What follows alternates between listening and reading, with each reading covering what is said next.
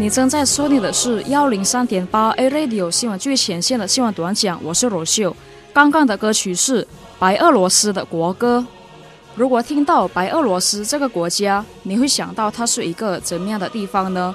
也许你对这个国家一无所知，因为实际上这国家是很少被我们听到的，对吧？那根据罗修在网络上收集的资料，就是白俄罗斯是东欧国家之一，首都呢是明斯克。它是欧洲第十三大和第二十人口最多的国家。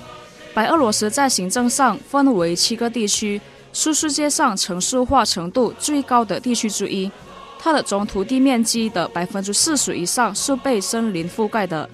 好消息的是，我国跟白俄罗斯加强了工业领域的全面合作，以促进两国经济发展。两国的工业部也已经签署了意向书。我国工业部的工业安全区域事务跟国际工业总部的总干事艾高在一月二十一号表示，近期呢，我国跟白俄罗斯大使会面，讨论了签署关于我国跟白俄罗斯工作合作意向书的后续行动。他解释，这机构正在收集工业部内所有单位的意见，以更新和敲定我国跟白俄罗斯工业合作框架的意向书。然后在今年的二月。这机构将再次与白俄罗斯举行双边会晤。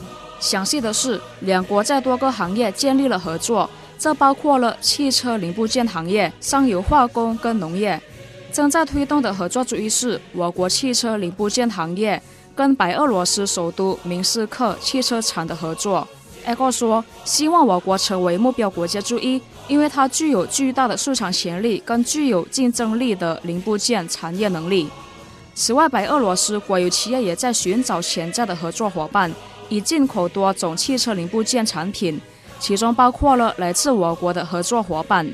据了解，白俄罗斯国有企业是一家专门设计跟制造用于卡车跟客车发动机、公共汽车、农业器械和专用发动机的起动机以及交流发电机的公司。